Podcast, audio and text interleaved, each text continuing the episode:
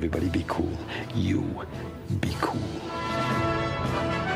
All right, you ready to have sex? We come in peace. We come in peace. You are the motherfucking Antichrist! We're gonna let you go, okay? Ok. Film er best på radio. I'm gonna make him an offer he can't refuse.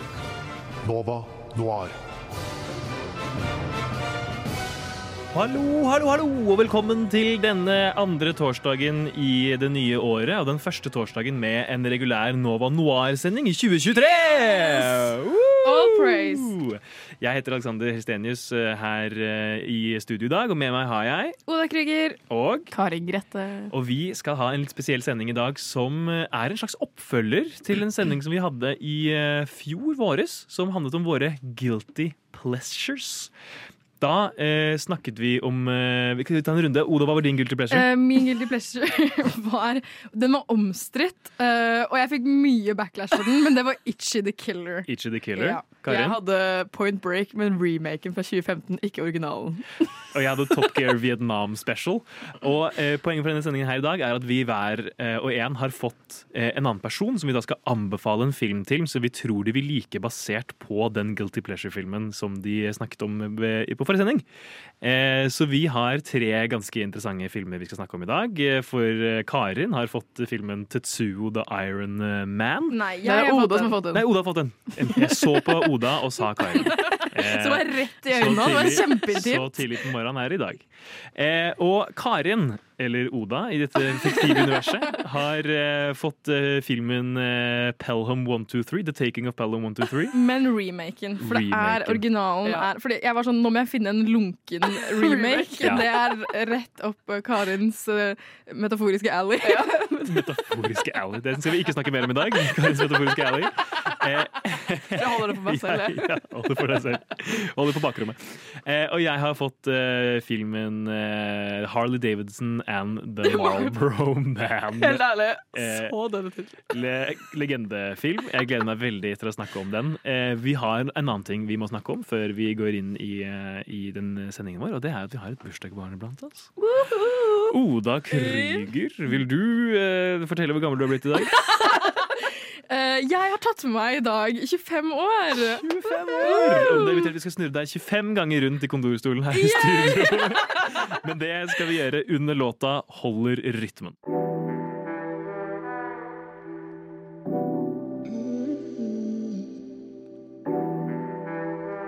Nova? Nova? Nova Noir? Har du fucka med noen filmer i det siste? Har du fucka med noen film det siste?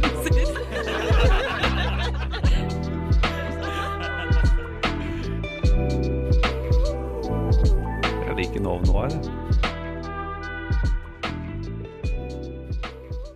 All right, vi skal inn i eh, vårt stikk eh, sett siden sist. Men før vi går inn på det, så har vi en liten bursdagsoverraskelse til bursdagsbarnet. Jeg sender ordet videre til vår ansvarlige redaktør, Sigrid Haugen. Hei. Hei. Sigrid heter jeg. Um, uh, før jul så spurte du meg Oda, om jeg kunne komme inn i studio på din bursdagssending og en offisiell bursdagshilsen fra Radio Nova til deg.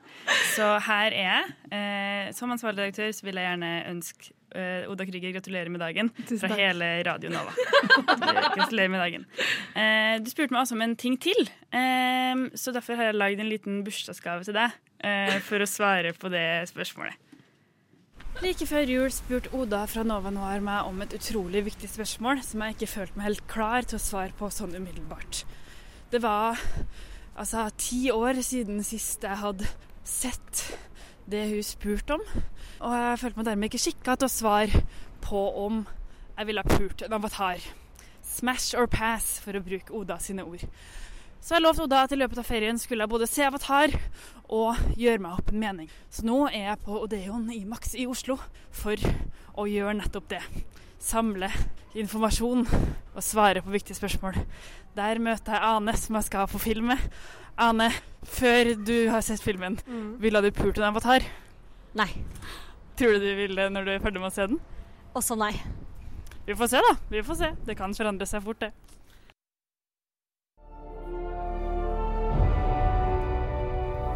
Ja ja, Anne. Filmen er ferdig. Hva er dommen? Smash or pass? Eh, jeg er faktisk litt mer på Smash-sida nå. Jeg syns, ja, syns damene er litt flottere enn mennene. Jeg er enig. Jeg er enig. Men jeg tror faktisk at det ble en, en Smash fra meg, altså. Hadde du smasha han minste the, the minst bro? Det minst, sånn bar, barne, barnestemning. Nei, det blir litt ut som rart. at han var myndig. Ish. Over 16 år. Jeg, jeg vil ikke riske det. Men generelt en Smash. Å, fy faen. Det er bare helt fantastisk! Jeg elsker at du faktisk husket det og tok spørsmålet Ja, ja, mitt på alvor. Fordi spørsmålet var stilt også i dypeste alvor. Hadde Ja. du ligget med Smash or pass? Smash or pass, liksom. Gi meg svaret. Ja. Så liker jeg også at dere har litt moral og etikk inni sånn Er han for ung? Jeg tror han er, jeg tror han er myndig. Han er 14. Han er 14 ikke Er sant? en avatar Da var det bra jeg ikke tok Storebror er 16, han er 14. Ikke Godt å være sant? på den sikre siden. Hva er, hva er seksuell lavalder eh, i den Ja, her? Avatarland. På, på Manora. Altså, han har en ikran, så I guess. Han er en del av stammen, liksom. Ja. Jeg tror ikke jeg går for barnet. Det blir litt rart i alle settinger. Ja. Blir det ikke det? Jake Sullivan. Det blir veldig rart i alle settinger. Du har helt rett. Men jeg er enig med Anne også at damene er veldig mye penere enn mennene, Synes jeg. Men de har jo laget dem veldig sexy. Det er Ja. small waist, Ja. veldig høye De er veldig sånn De er sånn, nesten sånn gaseller. De beveger seg sånn veldig hot og sexy, på en måte.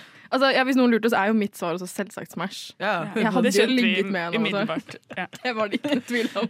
Men fordi, jeg, jeg, blir, jeg blir sittende her og stille spørsmålet hvilken som helst avatar. Eller, for jeg vil gjerne vite hvilken du helst ville ligget med. Det, jeg òg. Ja, ikke Jeg liker ikke dem, eh, dem slemme. Nei. Men jeg, jeg er litt sånn Jeg kan like de slemme òg. De er Du sånn kunne like er ikke Ja, men de har- Ja, ja. Kjærtegnet det der arret hans og sånn. ja, ja. Ja. Men de er jo sånn I can fix him. This is not Kansas og sånt. Ja. Da, er det, da har de så, sånn stygge amerikanske militærsveiser. Æsj. Ja, Ja, ja, det er det er helt jævlig. Det er så frekt å ha det, for det er så stygt. Det som er gøy med den scenen, er det er akkurat samme scene i eneren, bare at da er de mennesker. Så de har bare gjort den samme scenen, bare at de er avatarer nå. Og det er sånn der, why so blue? Og så er jeg sånn, åh, cringe. Ikke si det. Er det for øvrig derfor du har på deg blå genser i dag? Sigrid? Eh, ja, alt er planlagt til minste detalj. Det kan ikke være Blått tilfeldig. undertøy også. Alt. Ja. Oi, det er intime detaljer som kommer fram her på eh, Radio Nova eh, med Nova. Noir. Eh, Vi må nesten videre i sendingen vår hvis vi skal rekke å prate litt kjapt om våre filmer vi har sett siden sist. Jeg tenker kanskje vi, vi, vi begynner med Oda. Ja, film jeg har sett siden sist. Ja. Jeg er jo midt i sånn bachelorkjør nå. Jeg skriver min bacheloroppgave, som for øvrig er da et manus, siden jeg studerer manus, som jeg liker å si hver eneste sending jeg er på. til alle våre nye lyttere. Vi har så mange nye lyttere hver gang. Ja. Um, så det jeg har drevet med i det siste, er å se filmer som på en måte har en lignende oppbygging til mitt manus, uh, og sammenligner. Og den siste jeg så da, var Little Miss Sunshine. Og den så jeg opp igjen. Og den, den er så fin. Holder seg skikkelig bra på rewatch. Den er, uh, har et veldig godt manus også for øvrig, og uh, dyktige skuespillere. Veldig, veldig hjertevarm og fin. Anbefaler alle å se den. Den har veldig god rewatch-verdi også. Very nice. Eh, i, til jul så hadde jeg og min kjæreste Daniel, som også er medlem av redaksjonen, eh, vi eh, så på ekstremt mange julefilmer. Jeg tror jeg så på alle jeg hadde på min watchlist. Blant annet eh, Harry Potter 1. Eh, og det var egentlig mest for nostalgien sin skyld, men når vi først hadde sett eneren, så spurte Daniel meg å, vil du se toeren. Og så var jeg sånn ja, hvorfor ikke den er litt bra, da? Og så endte vi bare opp med å se alle åtte Harry Potter-filmene. Så hele jula så har jeg bare bincha hele Harry Potter-serien. De er veldig bra. Jeg liker det veldig godt. Rewatch, uh, hva heter det? Verdi. Eh, Verdi. Veldig høy. Uh, nå er det så disse bøkene. Får Og du julestemning av Harry Potter? For det er jo Bare sånn, Harry Potter 1. bare en For der er det en stor del som er satt i juleferien. ja, det, Som er ja. liksom hele poenget med hvorfor filmen blir som den blir. For de blir igjen på skolen under juleferien. Hva med deg, Sigrid? Hva har du sett siden sist? Jeg har sett uh, Avatar. Eh, den uh, det, Hva mer har jeg sett? Altså, k Kampen om Narvik Kampen om Narvik. i eh, jula. Den var helt OK, syns jeg. Ja. Krigsfilmmøte. Norsk, norsk, krigs, norsk krigsfilmstemning over det hele. Ja, klassisk. Eh, ja. Litt sånn, Følte jeg måtte se den siden den ble utsatt en milliard år. Eh, så den, var sånn Der var den, Der var den! Hele familien på kino i romjula. Ja. Eh, ja. Eh, jeg har sett eh, Jeg vet, vil trekke fram eh, Get Shorty, faktisk. For den, eh, den er litt gøy å snakke om i forbindelse med de filmene vi skal snakke om i dag. Den har eh, jo da både John Travolta og James Gandolfini i rollegalleri, samme som The Taking of Palom 123. Eh, og det er en film I utgangspunktet så så jeg den fordi eh, jeg vet at, eller visste at John Lurie, en, film, en komponist, musiker og, og, og filmskaper som jeg liker veldig godt, hadde laget musikken til den. Eh, så jeg ville se den pga. det. Og så eh, har jeg liksom eh, ved, gjennom Guy Ritchie-filmer som, eh, som Snatch, for eksempel, eh, bare litt lyst til, jeg har lyst til å se mer eh, Dennis Farina. Hvis du vet om det her, det er han amerikaneren som kommer i Snatch eh, og skal ha liksom, disse diamantene sine. Han spiller liksom alltid en sånn hardboiled kriminal, krim, eller sånn mafiafyr. Jeg syns han har en veldig, liksom, veldig morsom karakter. Han er jo alltid den samme karakteren, men jeg syns alltid det er veldig gøy å se ham på skjermen. Eh, ble ikke skuffet denne gangen. Eh, men eh, den er jo ikke så veldig bra. Eh, det er jo tydelig at det her er John Travolta i liksom sin late eh, period. på en måte. Det er liksom rett før han, blir, han begynner å spille i filmer som Taking, uh, The Taking of Pelham 1, 2, 3, hvor han er blitt litt tjukk og skalla. hei, hei. Men- La nå mannen være tjukk. Men det er veldig gøy, og den er skrevet veldig morsom. Og for eksempel en one-lineren som jeg likte best fra filmen, var 'You'll be dead as disco'. Hva? Synes jeg er fantastisk. Really, Du kommer til, å- hvis, hvis du fucker med meg, så kommer du til å være like død som disko. Det elsker jeg. Den har laget, eh, Den er laget i 1995. Eh, Det skal jeg begynne, faktisk, det skal jeg begynne å si på ja, ekte. Si til folk. Eh, og så er det jo egentlig bare en sånn generell sånn Guy Ritchie-aktig krimfilm. Og det er jo alltid litt gøy å se.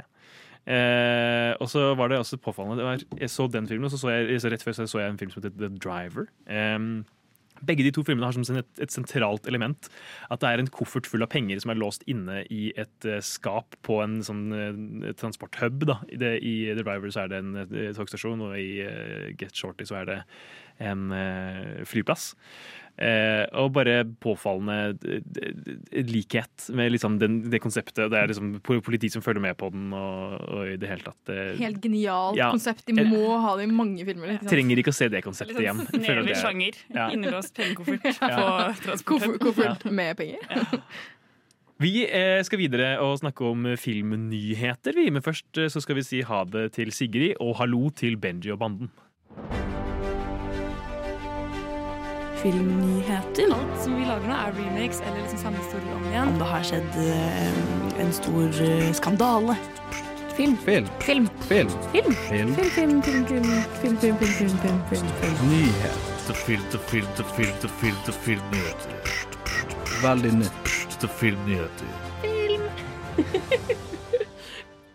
Og etter vår eh, prisvinnende filmnyheter-jingle, så skal vi inn i, eh, inn i filmnyheter-stikket. Vi skal snakke litt om eh, litt nyheter. Kanskje du vil begynne, Karin? Det kan jeg så absolutt. Eh, jeg har tatt med en nyhet som er litt dagsaktuell nå, for vi er jo midt i eh, James Cameron sin gjennomstående gjenoppstående storhetstid med Avatar 2 The Way of Det Water. her, det her er jo, er jo Og- arguable. Eh, ja, det, altså, det er jo nå en av eh, de topp ti mest uh, grossing films ever, så det er vel vanskelig å argumentere for at det ikke er storhetstid. Det er i hvert fall ikke Avatar jeg skal snakke om akkurat nå, men det er James Cameron. Fordi James Cameron har jo tre av de me ti mest grossa filmene i verden, blant annet Titanic. Og Titanic kom ut i 1997, men jeg fant ut at den skal få en internasjonal re-release i 3D 4K HDR på kino. Så hvis dere har lyst til å dra og se Det er 4D, så, så Tita- Titanic kommer faktisk 4K HDR. Det var sykt.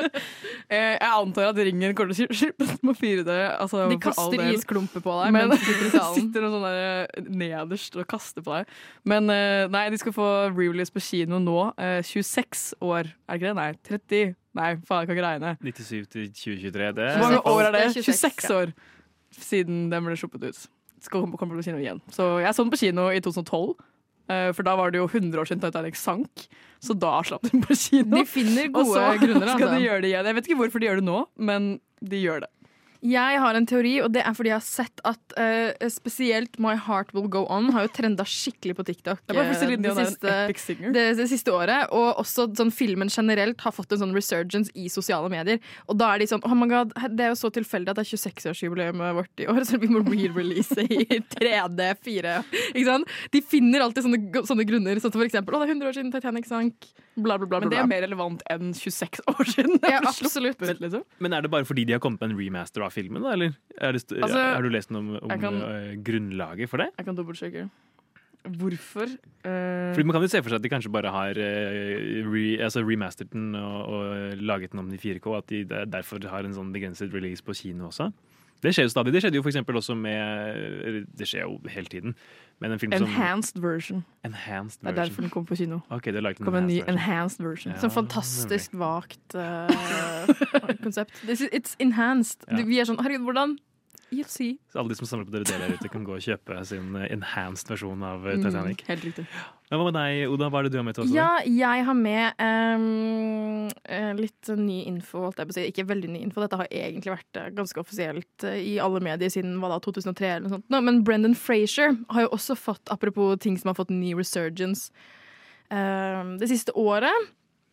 Eh, han har jo vært ute fra Hollywood og filmverdenen i godt over 20 år. Eh, på dette punktet er det kanskje nesten akkurat eh, 20 år som han har vært ute av eh, rampelyset. Vi kjenner han jo kanskje fra sånn George and the Jungle og Encino Man og The Mummy, sånne type ting. Eh, han gikk jo ut eh, og fortalte om overgrep som han hadde opplevd innad i Hollywood eh, fra flere store produsenter, mannlige produsenter i Hollywood. Han gikk ut med dette og ble som konsekvens svartelistet. Han begynte å komme mer inn i mediene når metoo-bevegelsen begynte, for da var det sånn metoo påvirker også menn. Det er også menn som blir eh, sånn forgripet og klådd på og trakassert i Hollywood. Også da av mannlige produsenter. Det, sorry, gutta, det må nevnes. Eh, og en av de som han anklagde, var em, eh, han som driver The Hollywood Foreign Press, som er de som driver og funder og stemmer frem i Golden Globes. Uh, og det var en av menneskene som han fortalte at hadde trakassert han, og han ble da basically gaslighta i alle medier til å være sånn nei, det ble du ikke.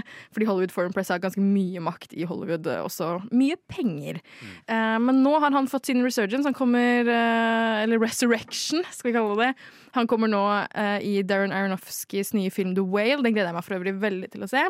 Um, og så skulle han i utgangspunktet bli nominert for sin rolle i The Whale uh, på Golden Globes. Uh, og da har han gått ut i mediene på nytt og sagt Dere kan kalle meg mye, men jeg er ikke en hykler. Jeg kommer til å boikotte Golden Globes for resten av mitt liv. Eller i hvert fall til The Hollywood Foreign Press har tatt ansvar for det de har gjort. Um, så jeg har sett Jeg har sett et par stykker på TikTok som også eh, og sånn andre sosiale medier som også har gått ut og vært sånn Vi boikotter også Golden Globes. Altså vanlig si, mann i gata som uh, boikotter på vegne av Brendan Frazier og på vegne av overgrepsofre. eh, og kanskje også spesielt da mannlige overgrepsofre, som det ikke har vært like mye fokus på under metoo. Uh, så jeg vil bare gi, jeg vil gi eh, eh, Brendan Frazier en liten hilsen og si good for you. Mm. Du gjør absolutt det riktige, og du har alt på det rene. Ja. Opp, bare oppfordrer folk til å se, se The Whale. Den uh, har jo mottatt veldig mye god uh, presse. Det, er- det virker som det kommer til å bli Den er veldig hypet. Uh, den ble jo vist på Cannes, tror jeg, først. Eh, og har norsk premiere da 3. mars. Ja. Gleder meg. Det blir kjempegøy.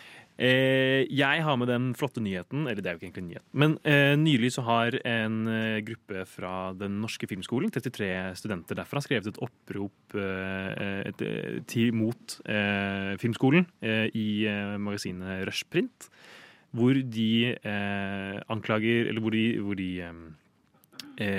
snakker om hvordan de mener at eh, ledelsen i Den norske filmskolen eh, akademiserer utdanningen og eh, nekter å lytte til deres elever, hva deres ønsker er for videreutvikling av, av skolens, eh, ja, skolens opplæringsfunksjoner.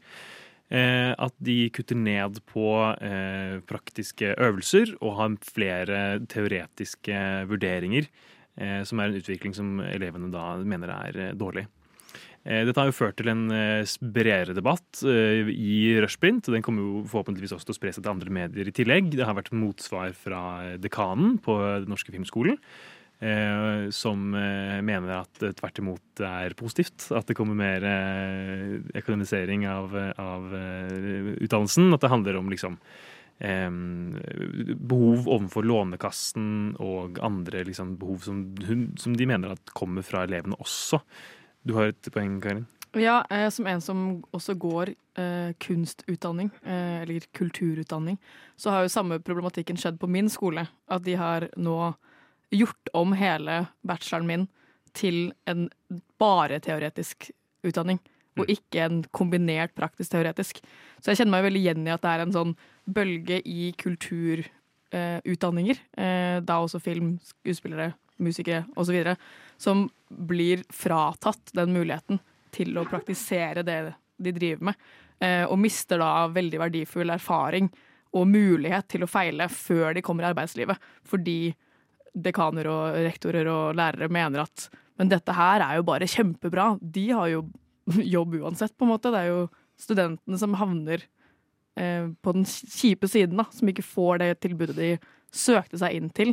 Mm. Og så får de konsekvensene etterpå. Og det er jo ekstra problematisk, fordi sånn som på filmskolen, de uh, elevene som går der, har jo søkt denne skolen og kommet inn på da et falskt premiss når de skal endre hele konseptet. De vil jo komme inn dit for å lage film. Filmskolen er kjent for å være aktive i, i, eh, i læringen og gå ut og faktisk produsere ting. Og som du sier da, Karin, få lov til å prøve og feile før du faktisk havner ut, på, ut i arbeidslivet. Da. Så uh, det å endre hele opplegget for en gjeng med elever som allerede går der, det er jo ganske problematisk. Du, da har jo de kommet inn på falsk premiss, på en måte. Eh, Dette begynner jo for uh, det som de kaller kull 14, som er kullet som begynner i år. Ja. Kan jo nevnes. Eh, og så har jeg hørt at de skal endre det fra en bachelor til en fireårig master. Eller hva det var. Integrert master. Integrert master. Uh, og problemet det er jo at de som da har gått ferdig studiet sitt fra før av, havner da under de nye. For da får jo de en, en lengre, men dårligere utdanning. Fordi de får fireårig master, de nye, mens de får en treårig bachelor. Mm. Så, men de må ta femårig master, da, de som har gått der før. Det blir jo bare en sånn skeiv fordeling mellom de som da, hvis de gjør det, da. De som begynner nå til høsten, og de som har gått der før. Og hva slags konsekvens for det i arbeidslivet blir jo bare Kan jo bli krise, liksom. Og Et annet problem er jo også at uh, um, som, som det kom fram av dette, dette med brevet fra de 33 elevene, at uh, de som da begynner på den nye versjonen, da, denne fire- eller femårige masteren, uh, at, den, at de har da like mye praktisk øvelse som de som, går den, som har gått den nåværende treårige. Ikke sant? Så de får liksom Spredt over to ekstra år. Ja. Liksom. Ja. Det blir jo kjempe, altså, da blir det few and far between. Ja, nettopp. Mm. Ja, nei, Vi eh, kan vel egentlig bare oppsummere med at vi heier på elevene på Woop, woop. den norske Woop. filmskolen. og Håper at de når gjennom til, eh, til ledelsen der. Ja, fy faen. Vi skal videre til oss, eh, vårt tema for dagen, vi. My mama always said, Nova Noir was like a box of chocolates. You never know what you're gonna get. Du hører på Radio Nova. Vi er Nova Noir, eh, Radio Novas filmprogram. Og i dag så snakker vi om Guilty Pleasures. Men eh, som en oppfølger til vår opprinnelige Guilty Pleasure-sending fra i fjor vår, som du kan finne overalt der du finner podkast. Bare søk på Nova Noir Guilty Pleasures. I dag en oppfølging.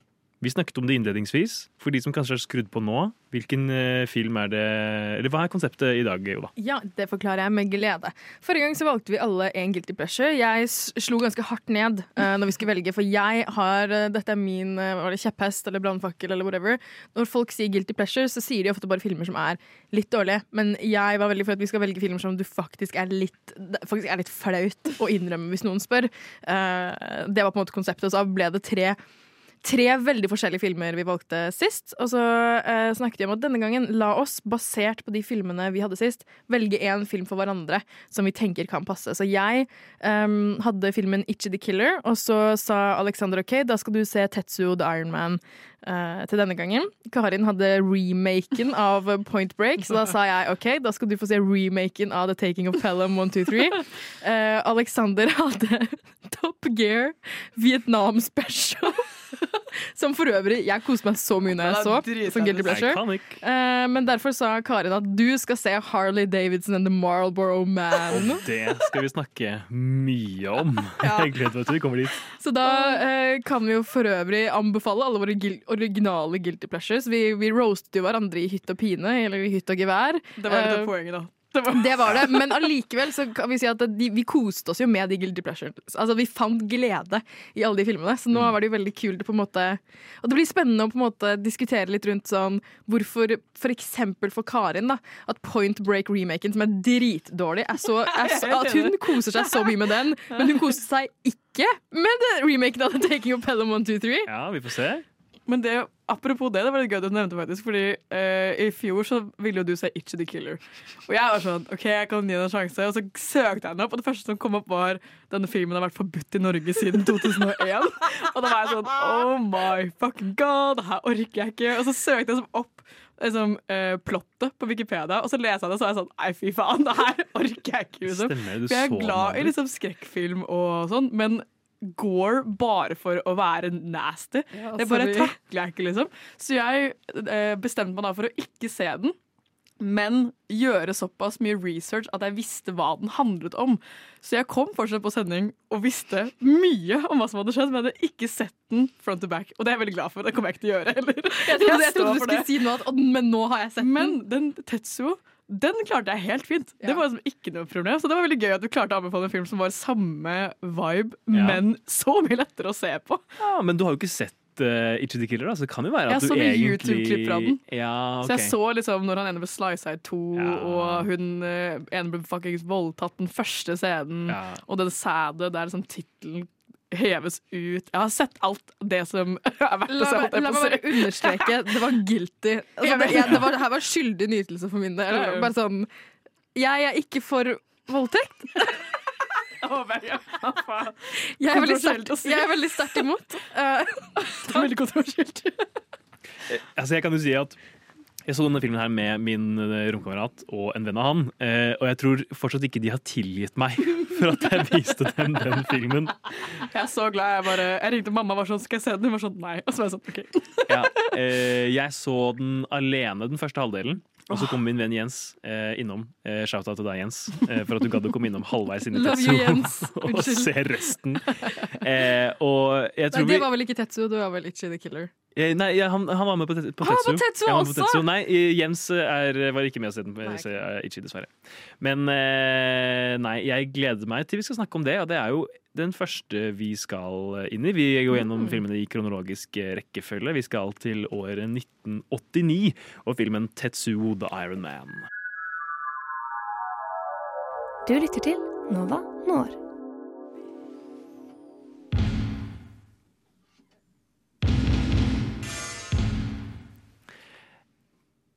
Tetsuo the Iron Man fra 1989 er en film eh, laget av den eh, lett, lettere ikoniske japanske regissøren eh, Shinja Tsukamoto.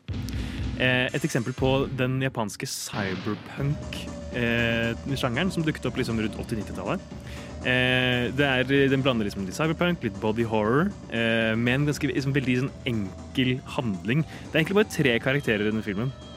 Vi møter eh, The Metal Fetishist helt i starten av filmen, som er en mann som bare er besatt av å liksom gjøre kroppen sin til en maskin. Så en av de første scenene vi ser, er at han skjærer opp låret sitt og fører inn et slags liksom metallrør for å gjøre seg selv til mer maskin. Eh, og, men han blir på et tidspunkt påkjørt eh, av da eh, The Salaryman og hans kjæreste, som er våre to andre karakterer. Eh, The Metal Fetishist dør, tror vi men tar eh, egentlig bare bolig i menneskene rundt The Salaryman for å ta hevn på han. Eh, hvorfor skjønner vi ikke før litt senere ut i eh, filmen, men eh, det, det, manifesterer seg da i liksom at menneskene rundt ham prøver å liksom ta han, og The Salaryman selv opplever at kroppen hans liksom utvikler metall og sånne robotaktige mm, utvekster. Blant annet så får han liksom en stor kvise som han popper, og så er det liksom motorolje inni. Det er en veldig, liksom, veldig eh, visuelt slående film i sort-hvitt, ganske kort, litt over 60 minutter. Em, og laget en sånn stop motion-metode som, som tar mitt hode liksom mot eh, barnefilmer eh, som jeg vokste opp med. Eller vet du, sånn der, eh, stop motion-filmen med, med, med fruktene. Den soppopera. Ja, ja, Jeg fikk ja. vibe til den. Av en eller annen Soppopera? Er det ikke den heter? da? Jo, jo, jo. Eh, Jeg valgte denne her til Oda fordi eh, jeg har eh, i filmhistoriefag på universitetet eh, lært om disse to filmene liksom ved siden av hverandre i eh, forelesning om japansk film. Kom jeg på den eh, og tenkte at det er jo sikkert en god film å anbefale til Oda. Og så viser det seg At Og dette her var jo også det jeg trodde var grunnen til at Alexander anbefalte meg denne filmen. Og det er at i Itchy the Killer så er det én evil mastermind som har, som har på en måte lagd hele kaoset som utfolder seg i filmen. Og han som spiller Gigi, the mastermind i uh, Itchy the Killer, er regissøren av Tetsu the Iron Man, som også for øvrig spiller uh, fascisisten Ja. I Tetsu the Iron Man. Mm. Jeg var jo sånn at herregud, Alexander er så sykt smart, og han valgte liksom dette fordi dette er skurken i Itchy the Killer, men det eh, Jeg overvurderte Alexander. Big coincidence. It was a coincidence, simply. Men eh, det var veldig For det første, jeg likte denne filmen. Ja. Jeg synes Det var en god anbefaling. Jeg koste meg veldig da jeg så den. Og jeg hadde jo for øvrig sett de to andre filmene først, som er Kan man kalle det litt sånn Hvilke to andre filmer? Uh, The Taking of Pelham 123 Ja. og Ja, de- uh, holdt på å si Point Break-remaken og eh, Harley Davidson og and the Marlboro Marlboro Man. Og de, ja, vi kom jo til de etter hvert, men de var jo for det første mye mer moderne og mindre utforskende, da. Mindre Er det lov å si kreative? På, Det er veldig lov å si kreative. Eh, på den måten. Så når, når jeg kom til denne, så føltes den ut som et, et friskt pust. Det, den er, balanserer veldig på håndfast symbolikk og bare svevende virvar, som jeg liker veldig godt, for da går det an å tolke inn veldig mye mer, uh, i min oppfatning, eller i mine øyne, fordi den er såpass svevende at den på en måte kan være hva som helst. Samtidig er det noen elementer som er veldig veldig håndfaste, og da snakker jeg selvsagt om body horror-elementet, som er mann blir til maskin, uh, og verden rundt blir til metall. Det er på en måte veldig håndfaste metaforer som du kan for eksempel eh, bruke for å argumentere for kanskje hvordan mennesket blir mindre menneskelig, eller det kan være et bilde fått på traumer, for eksempel. At verden rundt deg slutter å gi mening, og du begynner å ha mareritt, for det er jo det han eh, hva heter han, The Salary Man. Eh, det er det som skjer med han når han begynner å bli, begynner å bli av metall. Um, det er at Han begynner å få mareritt, og ting rundt han gir ikke mening. Og så skiller det veldig dårlig Eller det, det liksom er sånn veldig flytende skille mellom hva han ser for seg, og hva som faktisk skjer i filmen. Da. Og det var veldig spennende da jeg leste om om Tetsu the fordi det viser seg jo at uh, denne ble vist Var det på Cannes? Um, og den ble til og med vist, jeg tror det var uten teksting og alt mulig, men, men at den på en måte banet veien for en ny slags nybølge da, av japansk film. Oi. Det er veldig spennende at, at folk var så sultne på noe nytt og annerledes. At Tetsu the Iron Man, en mann som sakte, men sikkert blir til metall med en stor drillpenis eh, på en måte på en måte, At folk var så sultne på noe nytt at de var villige til å akseptere det til og med på liksom, prestisjefylte filmfestivaler. Jeg tror den vant en pris òg, for sånn beste internasjonale film, eller um, Mm. uh, hva heter det, ikke-engelskspråklig film. Men den vant jo en pris i Cannes når den ble vist. Um, men altså, jeg syns den var egentlig ganske bra. Uh, det var ikke sånn det Jeg forventa jo at den kom til å være mye rarere enn det den egentlig var. Men det var jo som å se en sånn new wave musikkvideo, egentlig. For det er jo veldig, det er jo samme type tid som da liksom um, New Order og Joy Division og alle disse greiene her. Eh, Det er jo for så vidt samme bandet, nesten. For dere som vet det. Men uh, jeg syns egentlig musikken var det beste med hele filmen. Um, for den passet veldig godt til hva som skjedde. Det var liksom metallyder og skjæring og mye sånn Uh, sånn, hva skal jeg si, lyder fra det virkelige liv satt inn i en veldig sånn fantasy-setting. Og det syns jeg var veldig kult. Og det hørte vi jo litt i eh, starten av eh, stikket her. eh, Litt musikk fra filmen. Og det er jo gøy du sier at det kunne vært en, eller lignet på en musikkvideo, for det her klippet klipp fra denne filmen ble faktisk brukt i en musikkvideo til Radiohead. Det ble det, Ja. ikke sant? Ja. Eh, så det er Vent, hvilken musikkvideo? Jeg vet ikke. Jeg husker ikke. Jeg bare leste opp det. Jeg tror det var på det, det, Jeg bare hørte, jeg, jeg sjekka mobilen min, og så ble jeg bare sånn Radiohead. Eh, nei, men den er eh, Jeg ble fysisk uvel i denne filmen. Ble du det? Ja, faktisk. Jeg lot meg veldig påvirke av den. Eh, syns det var en ganske ubehagelig opplevelse, men veldig kul. Jeg likte det, men jeg ble uvel. Men på en god måte. For det verste var jo egentlig helt på starten, når han stapper den ene metallbiten inn i låret sitt. For han skjærer opp låret sitt, og du ser at han sitter og sånn fysisk gjør det selv. Og så bare åpner han såret, og så dytter han den metallbiten inn, og så prøver du å lokke det igjen. Og så en liten stund etterpå så titter han ned og pakker opp denne tourniqueten han har pakket inn selv, og så er det bare sånne, sånne fluelarver inni låra som kravler ut, og han friker ut, for han innser at han har eh, råtna opp sitt eget bein. Dette er da fetisjisten, da vi snakker Ja, om, ja, ikke. The Salary Man. Nei, riktig. Eh, og det var bare Det var egentlig det verste med den filmen. Uh, og når han blir jaga av hun dama Det er vel også Ja. The Fascist som blir jaget da- av hun dama. Nei, Nei, det er er? Salaryman. Jeg har ikke klart å vite hvem av dem som er hvem. Fordi, Fordi jeg syns de ligner litt. Er det ja. Det er rasistiske. Oi. Nei, er er De, de, de er litt like, men jeg, tror, men jeg tror det er meningen, fordi vi ser ikke ansiktet til fetisjisten sånn veldig godt. Det er litt Ja, distorted ja, og litt sånn rare vinkler. Og det er jo fordi de to på en måte til slutt merger inn i én. Så det jeg føler at det er Spoiler, spoiler! En film som kom ut i 1989. men eh, Det lille som er av plott. Ja, det lille som er av plott, Ja. ja. For det var det det var det som Jeg er veldig glad for at jeg leste litt om filmen først, for ellers så tror jeg ikke at jeg hadde skjønt hva som skjedde 90% av tiden. Uh, så da fikk, det, fikk jeg mye mer klarhet, og så forsto jeg bildet mye mer. Men hvis jeg hadde gått inn i denne blindt, så hadde jeg vært sånn herre Jeg er forvirret og redd, og jeg skjønner ingenting. Jeg føler jeg leste litt om den fra før. Jeg, bare, jeg klarte ikke å koble hvem av oss var hvem. Nei, og det som også da, fordi jeg leste om plottet uh, først, så skjønte jeg også veldig mye mer av hvordan, uh, hvordan den funket rent dramaturgisk, for det var ganske mye av det som var flashbacks, men det, det hadde jeg ikke fått med meg hvis ikke jeg hadde lest om det først. For der kommer det også frem at han fetisjisten, grunnen til at han begynner å gjøre seg selv om til holdt på å si eh, maskin, og grunnen til at han begynner å putte metall inn i seg selv, er jo fordi han ble banket opp av en mann med et metallrør da han var liten, um, som gjør at han, det satte seg fast en liten jernbit i hodet hans. Og det, det, er, et, det er et klipp eh, hvor han er hos en doktor, hvor doktor er sånn Oi, hvem er det som har gjort dette mot deg? Du får ikke gjort noe med det, bare se på det som, som jewelry. Jeg får ikke tatt ut denne metallbiten av hodet ditt, fordi da kan du dø. Um, og så har han da fått Og da plutselig så ga det mening at da har jo han selvsagt fått en slags fetisj for dette, å gjøre om resten av seg selv til metall også. Uh, og det var da jeg fikk et litt sånn Handler dette egentlig om traumer? Handler dette om traumer? At jeg har blitt skadet av metall, men da skal hele meg bli til metall, og så skal jeg gjøre hele verden til metall. For alle Mm. skal, være, alle skal dele min smerte. En dypere mening bak denne tilsynelatende hva skal man si, visuelt baserte filmen. Eh, interessant. Eh, men den traff. Ja! Den traff i aller høyeste grad, og i hvert fall når jeg begynte uh, å lese inn i det som en, som en slags sånn traumereaksjon, og hvordan, uh, hvordan veldig store, vonde hendelser kan på en måte ta over kroppen din. da. Fordi når han uh, metallfetisjisten Herregud, det er et helt forferdelig ord å si. Fetisjisten. Um, Fetisjist. fetisjisten. øh, når han da ser at han har fått larver på låret sitt, løper han jo ut i gata og blir påkjørt. Og da på en måte kommer det jo et nytt traume over på mannen som kjørte på han. Eh, og så begynner jo han da å bli haunted av både drømmer og mennesker som er i metall, og så begynner han sakte, men sikkert å bli til metall. Og da var jeg helt sånn Dette her er jo, er jo et bilde på traumer, eller kan i hvert fall være, hvis det er der, der du leser inn i det. Men da ble det plutselig veldig tydelig. Eh, og så på slutten så ble det jo litt mer bisart igjen når metallfetisjisten kommer tilbake, og så merger de og blir en stor metallpenis.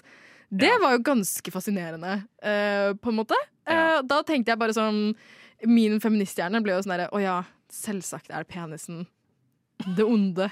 Det onde. Det, det er den onde penisen. Det er veldig mye mer jeg har lyst til å snakke om i denne filmen, her Men jeg tror vi er nødt til å gå videre. Men vi kan ta med oss da at eh, her traff vi i hvert fall. Ja. Eh, det var en eh, guilty pleasure som kanskje bare ble en ekte pleasure. Jeg vet Ja. ikke om du kommer til å anbefale den her til mennesker rundt deg. Jo da. Vi- Jeg, Ja, er en ja. mennes, jeg er en mennes på den måten. Altså. Jeg har ingen grenser på anbefalinger. Men, men det blir spennende da når vi skal videre til Harley, Harley Davidson and the Marlboro Man. Nova Noir. Nova Noir.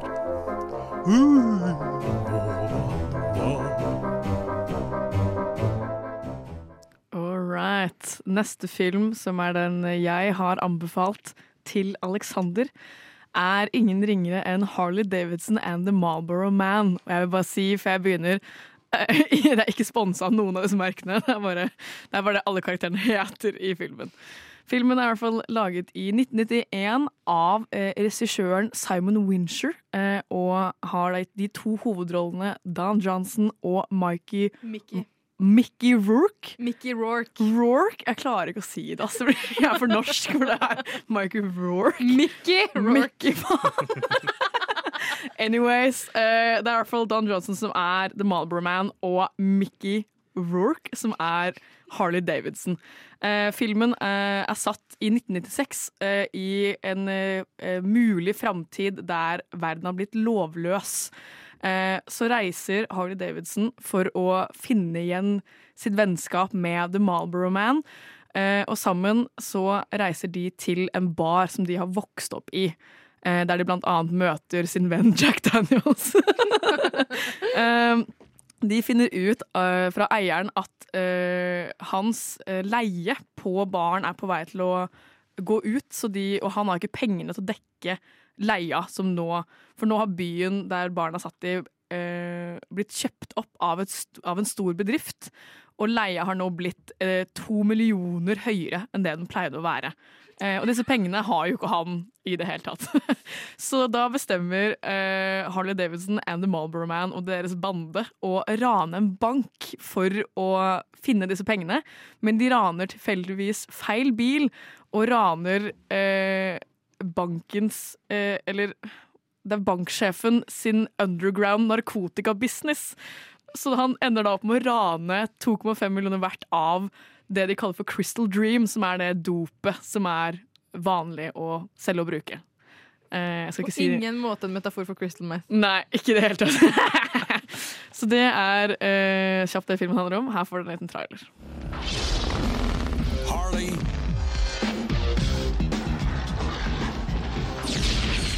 Marlboro.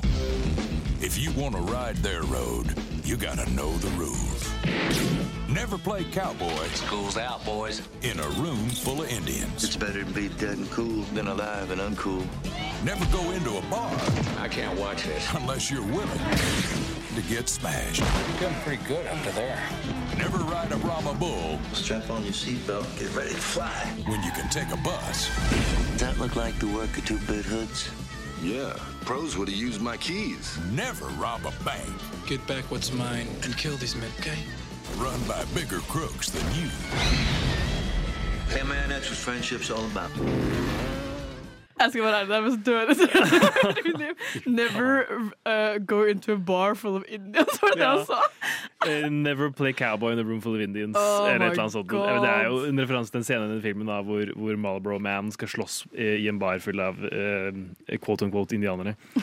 Eh, For ingen grunn, for øvrig. Ja, for ingen grunn for øvrig. Bare fordi han, taper, eller han vinner i et spill med biljard. Han- Og for øvrig ikonisk spill med biljard. Ja, det er faktisk Ja, wow. så bra. Wow. Det var faktisk et spørsmål jeg hadde. Det er er han så god i biljard? For det der går det ikke an å fake. Altså, Ja, det var jo et take, da. Det klarte Ja, vi han har tatt en og en take.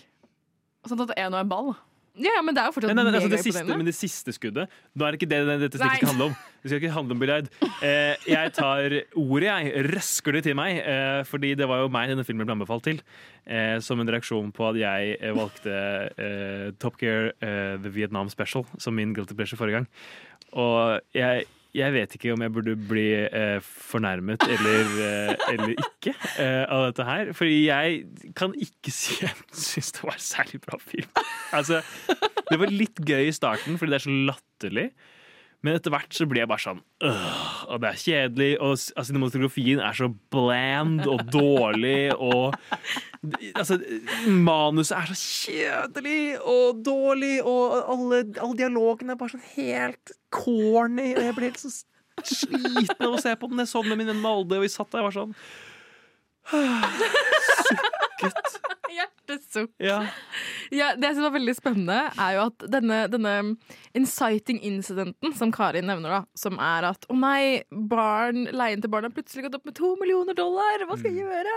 Den kommer sånn 35 minutter inn Ja, i filmen. Så før det så skjer det bare ingenting. De drar rundt og spiller biljard ser hverandre i øynene og er sånn I don't light my cigarette because vibe. I stopped smoking. Og så må jeg bare si at hvorfor er det så jævlig mange Baldwiner der ute?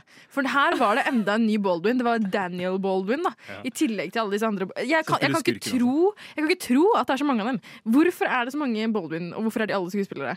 Det er et godt spørsmål. Uh, nå skal ikke jeg ta den filmen her til forsvar. Jeg syns den var utrolig morsom å se på. Den er jo ikke bra, men den er utrolig uh, stemningsfull. Den har en sånn en sånn, sånn grain som er sånn helt sånn type sånn tidlig 90-tall. Jeg føler jeg så på Die Hard, bare western-versjon. på en måte. Eh, og hele de første 30 minuttene er jo liksom bare sånn karakterbygging, og hvordan er de kjent med hverandre, og hvorfor er de der de er. Men det er bare sånn, det er jo litt rart at filmens høydepunkt skjer liksom ti min før den er ferdig. på en måte. Det tar liksom forever før de kommer til poenget. Og når de først har sånn fått de pengene For de klarer jo å få kontakt med han banksjefen som da eier banken, men driver en secret underground drug business. Og så blir de enige med å få pengene til bytte mot narkotikaen. Men han banksjefen har da lurt dem og gitt dem en en dollar med tracking i, og så går de da og jakter på dem og prøver å drepe dem. For de vil jo åpenbart ha pengene og drugen. De vil jo ikke bare ha en av delene. Så det, blir, det er liksom hele plottet. At Harley Davidson en Marlboro Man skal da prøve å slippe unna med pengene. Uten å dø av disse hitmanene som Ja. ser ut som Trinity from Matrix. Og har helt sånn syke uh, skinnfrakker som er skuddsikre. Skuddsikre skinnfrakker. Ned til anklene. De er så stygge, og de ser så jævlig ut. De ser helt grusomme ut. Og vil, jeg vil også sette et, noen jeg holdt på å si Asterix ved når, når Karin sier at de første 30 minuttene er karakterbygging. Det er jo bare fordi, det som skjer. Fordi det var ikke mye bygging av karakterer. Det her er så overflate som det kommer, og dette er bare gutta som skal være kule. Men det liksom, er guttastemning! Det er guttastemning, og det jeg også observerte der, er at det hadde den egentlig veldig felles med eh, Point Break, som var den altså remaken som, som Karin eh, hadde som sin guilty pleasure forrige gang. Som er at det er noe veldig veldig intimt mellom disse mannlige karakterene. De elsker hverandre, Ja, det og, og de, det er så sårt og intimt mellom dem. Og damene bare går rundt og er sexy, liksom. De er, de er pynt på, som henger litt rundt på, i det perifere. Mm. Men gutta, de står sammen. Og de, altså Harley Davidson og The Marlboro Man, de er så glad i hverandre. De, og de, de står opp for hverandre gjennom tykt og tynt. Og, og det som var veldig sånn misvisende var at i disse 30 minuttene da, som, som det var veldig god karakterbygging, så, så, Bra, så, så, drar de, så, drar de, så drar de på denne baren og bare klikker og banker opp hele baren. Og så blir en av de knivstukket, og så sitter de oppe på taket på en annen bar foran et stort skilt og ser utover, og så sier de sånn Tror du det er noe mer i livet, liksom? Og så er han, Sim Marlboro ja, mener du liksom religion, eller er det noe liv etter døden, eller noe? Og så begynner de sånn, ja. Og så går de litt i dybden på det, og så bare kommer det ikke. Det var bare en liten samtale de hadde på taket som bare ikke var relevant for noen ting. Det var karakterbygging. Det siste jeg må si før vi går videre, er uh, introen er jo legendarisk. Det begynner jo bare med Marlboro Man som har pult en eller annen skikkelig tynn dame, og så bare er han sånn See girl, og så drar han på motorsykkelen sin, og så kommer Wanted Dead or Alive av Bon Jovi. Og jeg har vokst jo opp med Rock of Ages, der det også er en scene med Wanted Dead or Alive. Og jeg har jo innsett at eh, Daniel har vokst opp med den filmen her, og har den sangen kobla på den filmen. Og jeg har samme sangen, bare på en annen film. Har dere en Wanted Dead or Alive-film som dere har som vokste opp med? Der dere hørte den sangen og var sånn wow.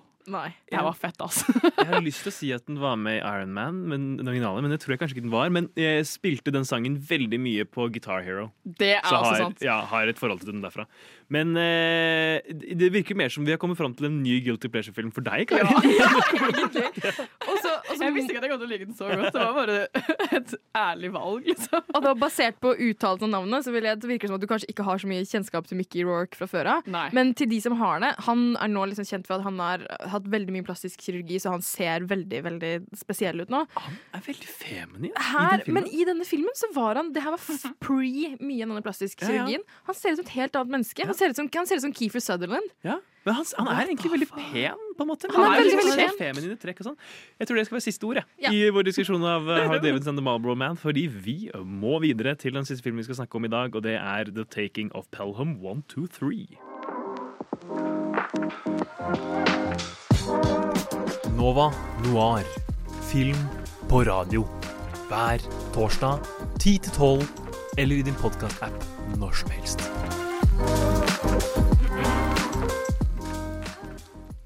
Jiha! Nå skal vi snakke om The Taking of Pelham 123. Som var da Jeg hadde ikke sett denne filmen eh, tidligere, men dette var da min anbefaling til uh, vår kjære Karin. Eh, my lovely, lovely Karin. Uh, jeg hadde jo for øvrig heller ikke sett remaken av Point Break. Men da jeg så den, det var en film som jeg koste meg veldig med å se, for jeg så den sammen med en venninne. Mm. Og det var kjempegøy, fordi det er så dårlig, og alt er bare feil. Det blir liksom at de nesten bevisst har gjort alt feil, på en måte. Men det Tobias Santelmann er med den. ja, og Tobias Santelmann er med den. Um, men uh, den var kjempemorsom å se på grunn av det. Så gikk jeg på nettet, og så I did some googling. Og så fant jeg en annen remake av en annen film uh, med samme navn for øvrig, The Taking of Pelham 123, som har fått gode anmeldelser. Men remaken har fått veldig lunkne anmeldelser. Den har vel 2,8 eller noe sånt på Letterbox da. Så tenkte jeg, vet du hva, den her kan vi, jo, kan vi jo se. Det er for øvrig et ganske sånn stjernespekket cast. Det er Denzel Washington som spiller hovedkarakter eh, Walter Garber, um, som jobber som T-banekontrollør T-banekontrollør.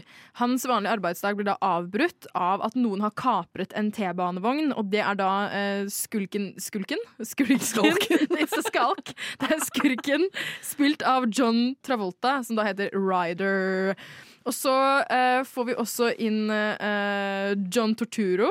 Som eh, er lederen for T-bane, whatever, FBI, something. Eh, Jeg fikk ikke med meg hva han var engang. Han, var- han hadde en eller annen rolle, da. Han var en eller annen sjef.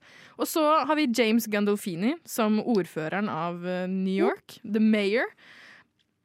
Og da handler det da om at Denzel Washington, som er på en måte allemannskarakteren her, da, som også har en litt trøblete fortid, for han har tatt imot eh, bestikkelser tidligere gjennom eh, arbeidsplassen sin for å få eh, råd til å betale skolegangen til barna sine. Han sitter da på, på jobben, og plutselig så da får han en telefon da fra eh, holdt på å si John Travolta, ikke John Travolta personlig, men eh, hans karakter som heter Ryder, som sier at jeg har eh, Jeg vil ha Er det ti millioner dollar? Eh, hvis ikke du har det her på denne vogna som jeg har kapret innen en time, så begynner jeg å skyte menneskene i vogna. Jeg skyter én person per minutt. Det går over en time. Til, ja. Og så er det alt som, alt som utspiller seg. Etter det, det er jo ganske mye drama, dere, da. Det er ganske mye drama, så la oss høre litt trailer. Okay, I'm gonna need the R train to switch over to the express tracks at 34th Street.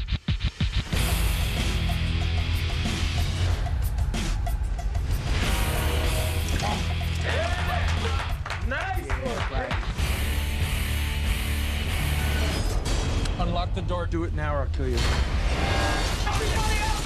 This side's facing the window.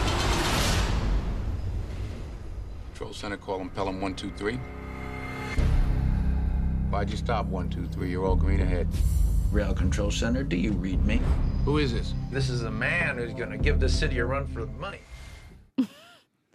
Hell to the yeah! Hell to the Så Karin, hvordan, eh, hvordan var dette eh, så, sammenlignet med Point Break-remaken? Altså, um, jeg så den her og tenkte ja, ja, jeg får gi det en sjanse. Det er John Travolta og Denzel Washington. Hvor, hvor ille kan det være? Det var det verste jeg har vært borti, faktisk. Det, jeg tror jeg ga den en halv stjerne. Jeg syns den var så kjedelig. John Travol- John Travolta spiller skikkelig dritt. Uh, Denzel Washington spiller skikkelig bra. To be honest, Han spiller alltid bra, uansett hvilken film han er med i. Men uh, den var veldig forutsigbar. Uh, jeg syns John Travolta er en litt shitty villain. Han prøver å være litt sånn derre menneskelig. Hvorfor han gjør det her, og han er der pga. noe mer da, enn bare å være kriminell, og prøver liksom å bli kjent med uh, Denzel Washington. Nå glemte jeg helt hva han het, Uh, karakteren hans.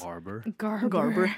Eh, og han prøver liksom å Hva skal jeg si eh, Gjøre oss i publikum Gjøre oss mer, ha mer sympati med han fordi han er kriminell. Men jeg bare, det bare Jeg bare syns han var skikkelig dritt, liksom. Eh, hot take. Jeg syns ikke han var dritt i den rollen i det hele tatt. Syns du ikke det? Jeg syns, jeg syns John Travolta gjorde en Jeg syns han var en artig figur i denne filmen. Han var mega over the top, men jeg synes at jeg kjøpte det. Jeg er, Jeg syns- helt, jeg er helt enig. Det her er litt sånn uh, Al Al Pacino i, uh, Ja. i Heat, nærmest. Uh, altså, han har en, sånn, en, en intensitet som passer til rollen, men som er, det er litt for mye. Men det er egentlig ganske underholdende å se på. Altså, jeg føler ikke egentlig at han prøver å, jeg føler ikke at han prøver å innynde seg hos publikum. Det han gjør, er at han på en måte etablerer en karakter som egentlig bare er helt motbydelig. Han er sånn, en sånn eh, Wall Street-jævla klysefaen. Som har da, eh, Hans karakterark er at han har liksom svindlet et eh, pensjonsfond. Mm. eh, og brukt de pengene til å bl.a. dra på eh, Island med en ass model. Det er så Ja, det, gøy. er så, det er så sykt. Men han er sånn men han er litt sånn en sånn eh, En fyr som er sånn oh, we, all go, we all owe God a life. Han, er liksom en sånn hard, han, er, han, slår meg eh, som en fyr som kunne likt eh, Andrew Tate veldig godt, Ja. egentlig. Eh, jeg syns han er forholdsvis flink. Eh, Daniel Washington er faktisk ikke flink. Daniel Washington. Dan, Denzel. Det var veldig gentrified. gentrified Denzel. Eh, Denzel Washington gjør en god karakter. Eh, men det jeg vil trekke fram, faktisk, som jeg blir litt overrasket over, er John Torturo. Som er en skuespiller som jeg ofte blir sånn øh, når jeg ser han. gjør Jeg synes- Ja, virkelig. Altså Etter, etter uh, hans eh, karakter sier, mm. i, uh, i uh, The Big Lebowski eh, det, I den filmen så er han morsom, men jeg føler bare sånn, han prøver å være litt den samme karakteren i etterkant. Ja. Og jeg hater han i den um, eh, hva er det den heter, den, den filmen med, med Også en Cohen-film, eh, hvor han spiller ved siden av eh, George Clooney, og de er sånn på en chain gang. Ja, eh, eh, jævla Når de synger, når de synger. Ja, I'm a man of constant sorrow. Vi kommer tilbake til det. Vi kommer til å si hva den heter. Eh, nei, men eh, for en gangs skyld så syns jeg han gjør en OK rollefigur. Jeg ble overrasket over det. Og James Gandolfini. Alltid en glede å se han. Oh brother, where art thou? Oh, brother, where art thou? Men det eh, jeg vil trekke mest eh, fram som det mest irriterende i den filmen, er jo eh, For det er jo en vanlig T-banevogn som blir kapra med vanlige passa- passasjerer på. Blant annet en dude som sitter og videochatter med dama si. Og hun begynner å kle seg naken eller et eller annet, og han er sånn wow, du er så digg. Og når den vogna blir kapra, så er jo han fortsatt på videochat med henne.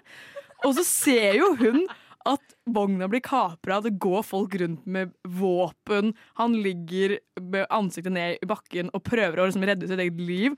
Og hun er bare sånn 'Hvorfor svarer du meg ikke? Hvorfor, hvorfor snakker du ikke til meg? Hvorfor sier du ingenting?' Jeg sa at jeg elsker deg. Hvorfor sier du bare ja? Og han- ligger der og er liksom på Ja, det deathbeden sin. Og hun er bare sånn Hva mener du med at du ikke elsker meg tilbake igjen? Og jeg ble så sur. For hvis det hadde skjedd med meg, og jeg hadde sett liksom fuckings Daniel ligge på en T-banevogn og bli trua med livet, så hadde jeg vært sånn OK, vi snakkes senere, ringer politiet. Det, er sånn, det jeg føler er sånn remake-symptom, som er at de må dra inn mer aktuelle temaer. Hva er aktuelt i dag? Ungdommen. De videochatter, De vet du. Og damer, they do be nagging. Det- This is great humor, you guys. Eh, en ting, Jeg vet ikke om dere fikk med dere det. Regissøren bak denne filmen er også han som har laget Top Gun. Er det Ja, jeg så Den nye det! eller gamle? Ja. Den gamle, den originale. Jeg husker ikke navnet hans akkurat nå. Oh, men, eh, men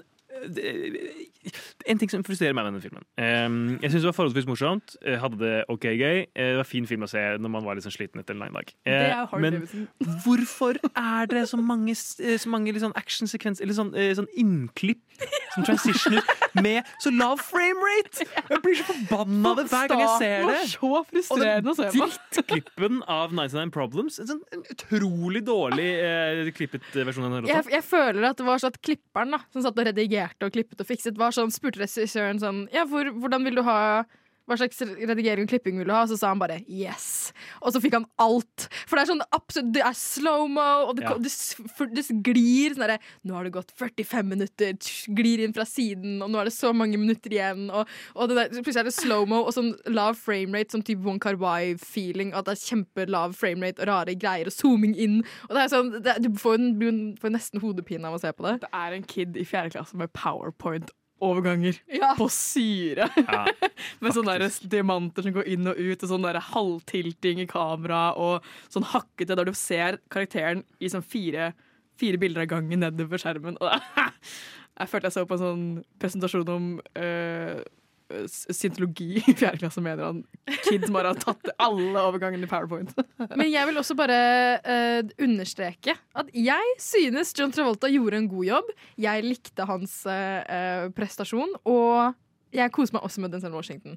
Og jeg var sånn John Travolta, bare go for it. Bare gjør rare fucka jobber og slapp av, liksom. Fordi her, her, kan jeg, her kan jeg digge deg.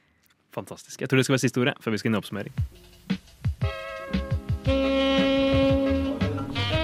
Tre, og så kommer Edmund og bare What the fuck? Har du sett Parasite? Ja. Har du sett Parasite? Du vet når hun gjør den der, den der Jeg husker jeg ikke. Å, shit, shit. Uh, Nova Noir. Vi er ferdige med å snakke om filmene som vi har anbefalt hverandre, basert på våre Guilty Pleasure-filmer fra sist. Vi er jo da, du hører på Radio Nova, vi er Nova Noir. I studio sammen med meg har jeg med meg Oda Karin. Jeg heter Alexander. Og vi skal nå oppsummere det vi har kommet fram til gjennom sendingen som har vært.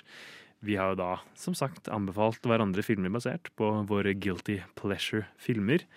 Eh, Oda, hva syns du om din anbefaling? Jeg likte min anbefaling veldig godt.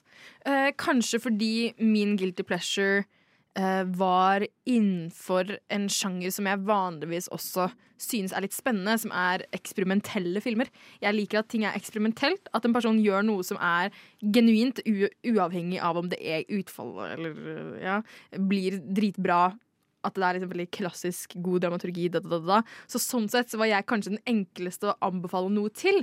Fordi så lenge det var eksperimentelt, så kommer jeg til å kose meg. Fordi her er det i hvert fall en person som har gjort noe nytt og tenkt annerledes og utenfor boksen. Uh, og det er jo, ja. Mens deres guilty pleasures var kanskje mer hyperspesifikke for akkurat det verket dere så, og uh, omstendighetene rundt. At å anbefale ble ja, kanskje litt, eh, en litt større utfordring. Eh, kanskje. Jeg føler i hvert fall at jeg gikk veldig for liksom, eh, basert på filmens på måte, omstendigheter, og, og særlig dette her liksom, body horror-aspektet. og liksom den liksom altså, Det er jo også en litt sånn notorisk film, den Tensuo. Ikke like notorisk som Ichi. Den er jo ikke for eksempel ulovlig i Norge. I'm sorry. ja. men, eh, men det er godt at den traff. Veldig godt at den traff. Hva med deg, Kaien? Eh, jeg hadde jo Point Break-remaken, og ble da anbefalt å se The Taking of Pelham 123-remaken. Eh, og syns den var skikkelig dritt. Jeg skal være helt ærlig. jeg eh, syns jo også Point Break-remaken er litt dritt. Den er bare litt lættis, på en måte. Jeg syns den her ikke var så lættis. Men jeg husker jo sist at du nevnte at litt av grunnen til at Point Break ble så gøy, var at du så det vel med faren din. Jeg det så ikke med pappa, og det var litt, det var litt morsomt. Ikke sant? Øyeblikket, det er omstendighetene rundt en guilty pleasure er på en måte det som kan make or break om det faktisk blir en skyldig nytelse. Eller kanskje med da trykk på nytelse. For jeg skjønner jo liksom hvorfor du anbefalte den til meg. Eh, men det var bare så dårlig. det var traff så dårlig. Jeg vet ikke. Men det var et ærlig forsøk. I'll, I'll take it, liksom. For jeg føler at det er morsomt at eh, Oda og jeg har likt denne filmen bedre enn du.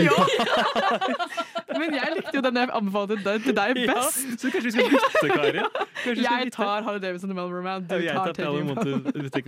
Dette ordnet seg kjempefint. Kjempebra. Ja, Hva, hva syns du om min anbefaling? Sånn, Skikkelig dårlig. Eh, men, men til gjengjeld, altså, eh, en film jeg kan se for meg å kanskje se igjen hvis eh, jeg skal sitte med liksom, en gjeng med gutter og vi skal drikke øl Da og må du se den. Ja. Ingen jenter. Det er jenter får ikke lov til da? Det er, ikke guttastemning. Ja, det er ikke laget for at jenter skal se den filmen. Nei. Det er jo bare macho, macho, macho. altså meg, da. Ja. Macho mener meg. Nei. Eh, men eh, godt eh, vi har kommet fram til det. Alle har funnet seg en film som de kan like sånn tålelig greit. vi skal videre til eh, lek, vi. Som eh, Oda har med seg. Vil du tise litt før vi skal inn, inn i den? Mm, etterlangt etterpå. Eh, ja, først så skal vi uh, kjøre en uh, Jeg har valgt ut tre filmer. En liten runde med 20 spørsmål. Eller skal vi si 25 spørsmål? Siden jeg har bursdag. Ja, anyway. Ingen tok den. Begge dere ser på meg bare sånn "Mm, Please move on. Um, og så skal vi ha Har jeg funnet en liten quiz um, som denne kommer til å lede Den lille leken kommer til å lede over til. Oh my god, I'm so excited. Do you want to play a game? To do is play with you. Please come and play with me. Let's play a game! Vi skal inn i eh, en lek som Oda har forberedt. 20 spørsmål. Ja, 20 spørsmål. Men vi kjører jo vår, vår vanlige variant med at dere får et ca. 1 12 minutt på å bare stille så mange spørsmål dere bare vil. okay. um, så jeg har uh, tre filmer her. Jeg tror vi bare, Skal vi bare kaste oss ut i, i den første, eller? Vil du ta en kjapp eh, forklaring av konseptet for Ja. eh, nye lyttere? Konseptet er nå jeg sitter her med min PC, uh, og så ser jeg jeg ser ikke på film. Jeg, ser, jeg har valgt ut en film. Um, dere får ingen hint, men dere får lov til å stille meg spørsmål. Uh, Ja-nei-spørsmål, da. That is. Uh, frem til dere potensielt og forhåpentligvis gjetter riktig film. Annethvert spørsmål? Ja. Ja, Gjør det. for bare- ryddighetens skyld. For ryddighetens skyld, annethvert spørsmål, og bare still så mange spørsmål dere bare vil, så sier jeg stopp. Eh, hvis dere klarer å gjette det innen tiden, er det fint. Hvis ikke så får dere en siste sjanse når tiden har gått ut, tenker jeg. Og så er det Jeg syns at jeg skal begynne, for jeg er yngst og dame. Så wow. Eh, Bare for å bruke de to Det- du skal, To du, tingene jeg du skal kan. få det. Da teller jeg ned fra eh, tre, to, én. Er det en amerikansk film? Ja. Er det en mannlig hovedrolle? Ja. Er det bare én hovedrolle? Nei. Er det en mannlig regissør? Ja. Uh, er det en dramafilm? Eh, jeg vil si drama-komedie. Er den kommet ut på denne siden av 2000-tallet? Yes. Er den under et år gammel? Nei. Eh, er den eh, Ville du kalt den ikonisk? Mm, nei, men for veldig, veldig spesielt interesserte eh, så er dette sett på som en, som en film som kanskje burde ha fått mer Er det høy deal-faktor i den? Altså ut fra mine standarder, så øh, Altså, jeg kunne funnet noe der, liksom, men ok. jeg tror ikke noen andre Ah, ville gjort det, Ah, kanskje. ok. Er det, kan du kalle det en kultfilm? På noen måter, ja, men på en veldig liksom, annerledes måte. Er Adam Sandler med i den filmen der? Nei. Takk og lov. Men det var et veldig godt spørsmål. Ja. Altså. Mm. Oi. Eh, er, eh, er Leonardo DiCaprio med? Nei. Ehm, oi Ehm, Du sa at ikke alle hadde sett den. Nei. Var det det? Ja, eller Skal jeg gi Ehm, dere et lite hint? Siden dere har, eh, Nå har dere ca. 45 sekunder igjen. Ja. Et lite hint er eh, Dette har også blitt laget uh, til en serie. Hele filmen har blitt gjort om til en serie? Yes. Det var en bokserie først, ble laget til en film, og så ble den laget til en serie. Hunger Games? Nei. Nei. Ehm, oi, oi, oi, oi. Er det er både filmen og serien fra denne, denne siden av 2000-tallet? Ja. ja. okay. Er bokserien gammel? Bokserien er vel fra sent 90-tall. Å, herregud! Dere har 15 sekunder igjen. Oh. det står helt, Ja. helt fullstendig bom stille. Eh, har, har den vunnet noen uh, Oscar? Nei. Nei. Å, herregud. Okay, Nå er tiden ute. Eh, jeg kan gi dere ett siste hint. Det er en barnefilm. Spiderwick. har, du lyst, har du lyst til å gjette en gang? Alexander? Eh, Spiderman Nei, jeg, jeg, vet du, det er helt blank, jeg. Nei, det her er, det er litt usikker på om dere har sett den, men jeg tror dere skal ha hørt om den. Det er A Series of Unfortunate Events. Å, herregud! Den filmen jeg har jeg sett så mange ganger. Ja, ikke sant, den er bra? Å, herregud, den er dritbra. Men skjønner du hva det er jeg mener Jim Carrey. Det er Jim Carrey i ho- Han er jo han onde greven. ja. Den har jeg sett mange ganger. Og den ble jo laget til en Netflix-serie ja, i Patrick 2017 Harris. eller noe sånt. Ja. Ja. Den eh, Nesten som musikalserie. Den ble jo skikkelig rar i forhold til filmen, for filmen er jo ikonisk.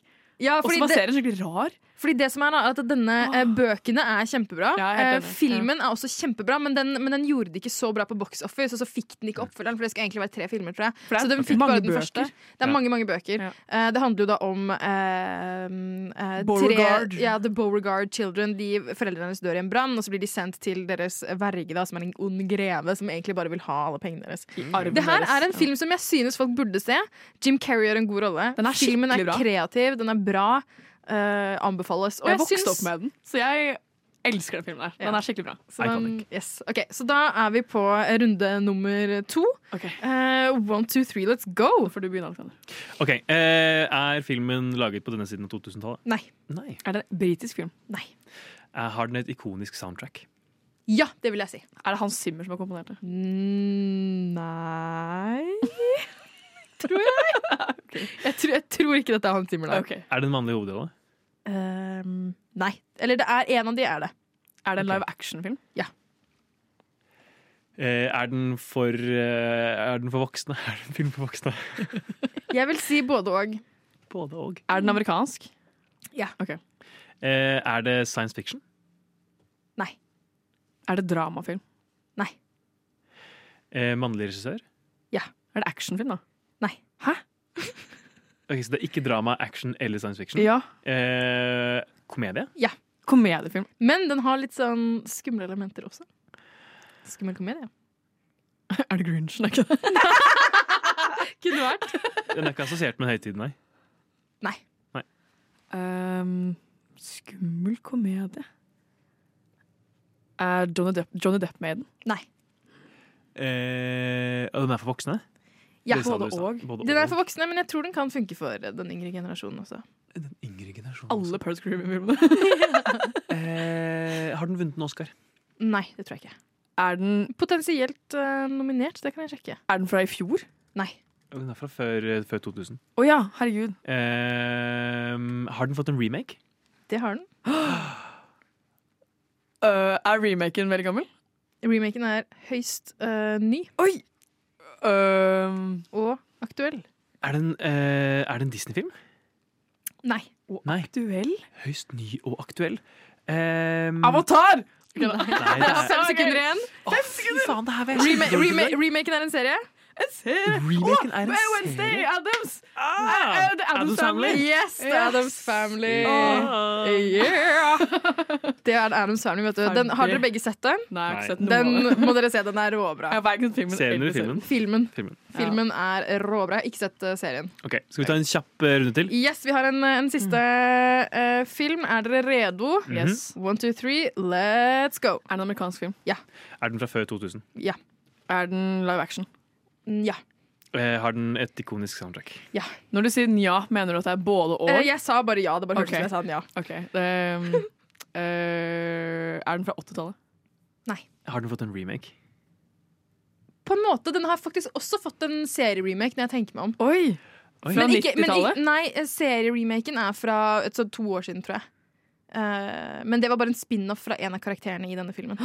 Er det Star Wars? Nei. Faen. det kunne vært for bare én Men ikke heng dere opp i det, Fordi den, ble ikke så, den var ikke så anerkjent, den serien. OK. Eh, Eh, jeg til å si uh, Breaking Bad, men det er en serie. Uh, fra, den er fra før 2000, uh, og den har et ikonisk soundtrack. Og um, Eller oi. jeg synes det er et ikonisk soundtrack. Da. Ja, ja. Det her kan ikke være særlig gøy å høre på som bare ikke skjønner. er det Hans Zimmer som skal Nei. Faen. Ja. Eh, eh, Du kan stille litt mer sånn selektive spørsmål. Liksom, sånn. ja, eh, Oscar. Er det Dilfakt? Ja. Ja! Eh, er Jack Nicholson med? Ja. Er det gjøkerøde? Ja. We did it! We Når du did sier, for når du sier ikonisk soundtrack, så har jo du den på vinyl. Bare Jeg har faktisk Jeg har gjøkerøde soundtracket på vinyl. Det, så da, men da skal vi over til siste delen av denne leken. Skal vi kjøre sang først? Ja. Jiha. Så det jeg gjorde da, var at disse tre filmene det, uh, altså Den førstnevnte var A Series of Unfortunate Events. Uh, den ene produsenten på den filmen er regissøren av The Addams Family. Og i The Addams Family uh, så spiller jo den ene hovedrollen i eh, Christopher Lloyd spiller i The Addams Family. Han spiller også i Gjøkeredet, og det gjør for øvrig også da Angelica Houston. Hun har en bitte liten cameo i Gjøkeredet. Eh, og hun spiller også hovedrollen da i The Addams Family, så det var en liten sånn tråd, men ingen av de trådene ble jo plukket opp. så det var jo Så vi Whatever.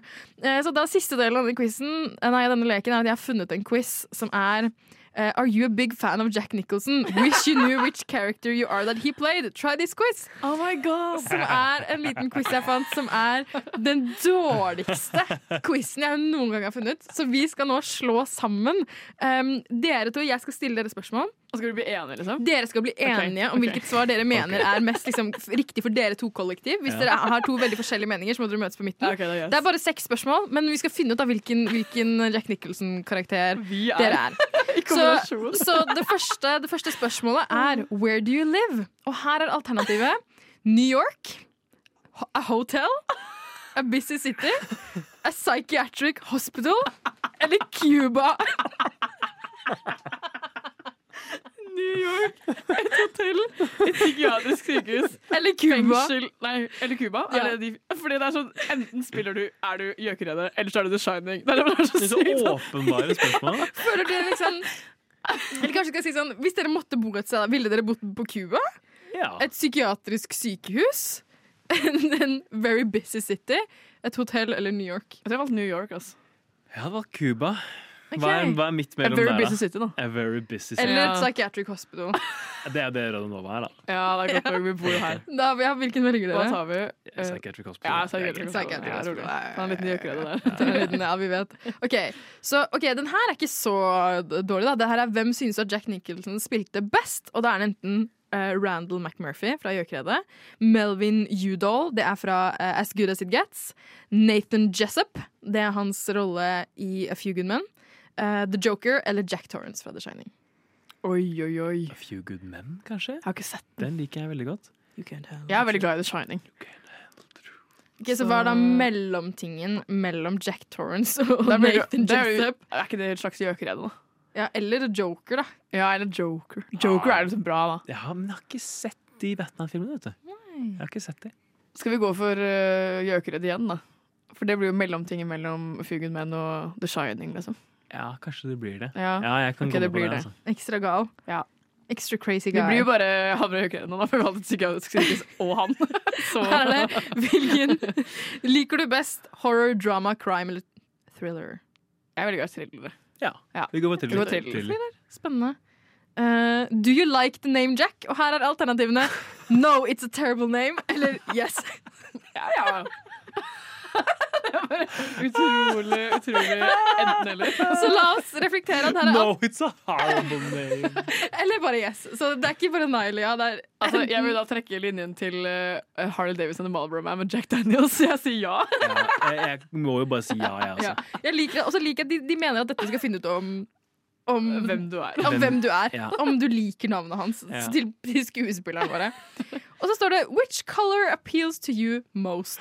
Ikke, ikke the most, men bare 'Which color appeals to you most'? Det er purple, green, red eller neither.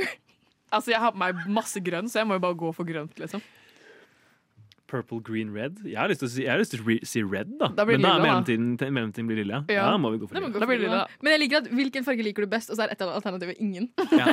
Neither. Jeg ikke ha. Ok, og her, her er det litt gøy. Her kommer det uh, uh, Which quote do you like the best? Og den ene er Don't touch. Og den andre er Jeg vet ikke hvilken film det er fra engang. uh, Jeg den skulle sitt Gets, tror jeg. Ja, garantert. Ja. Herregud. Bra, Alexander. Her er du på ballen.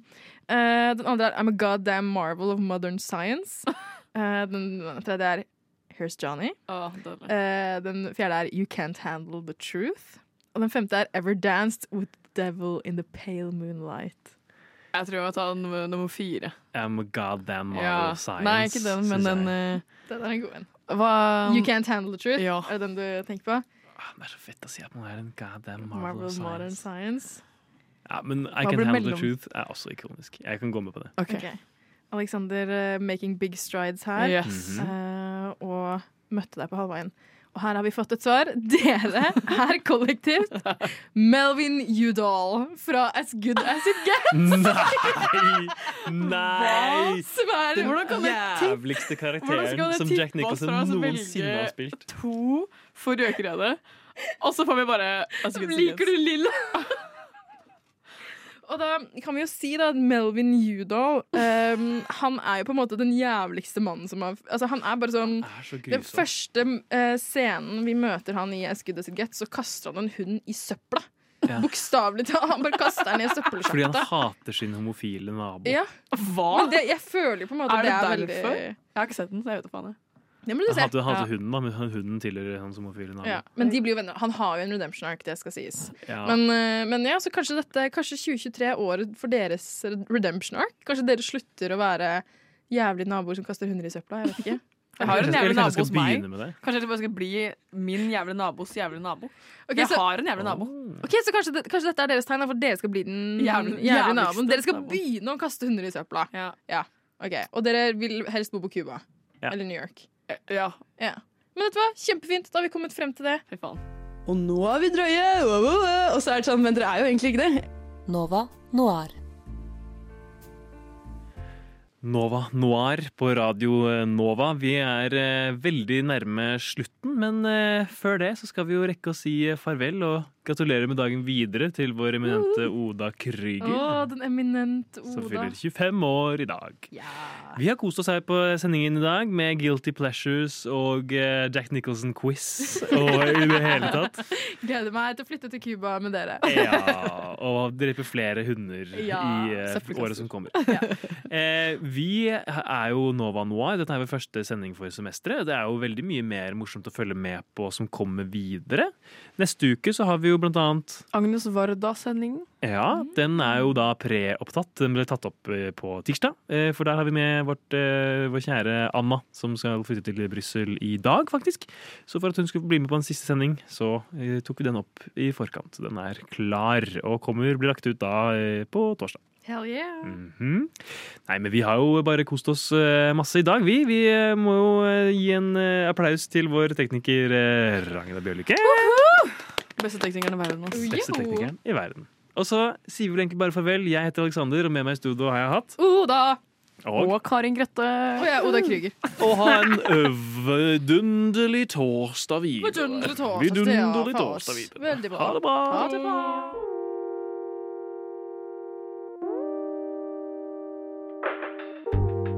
Du har hørt på en Radio Nova-podkast. Finn flere podkaster på radionova.no eller på din foretrukne podkasttjeneste.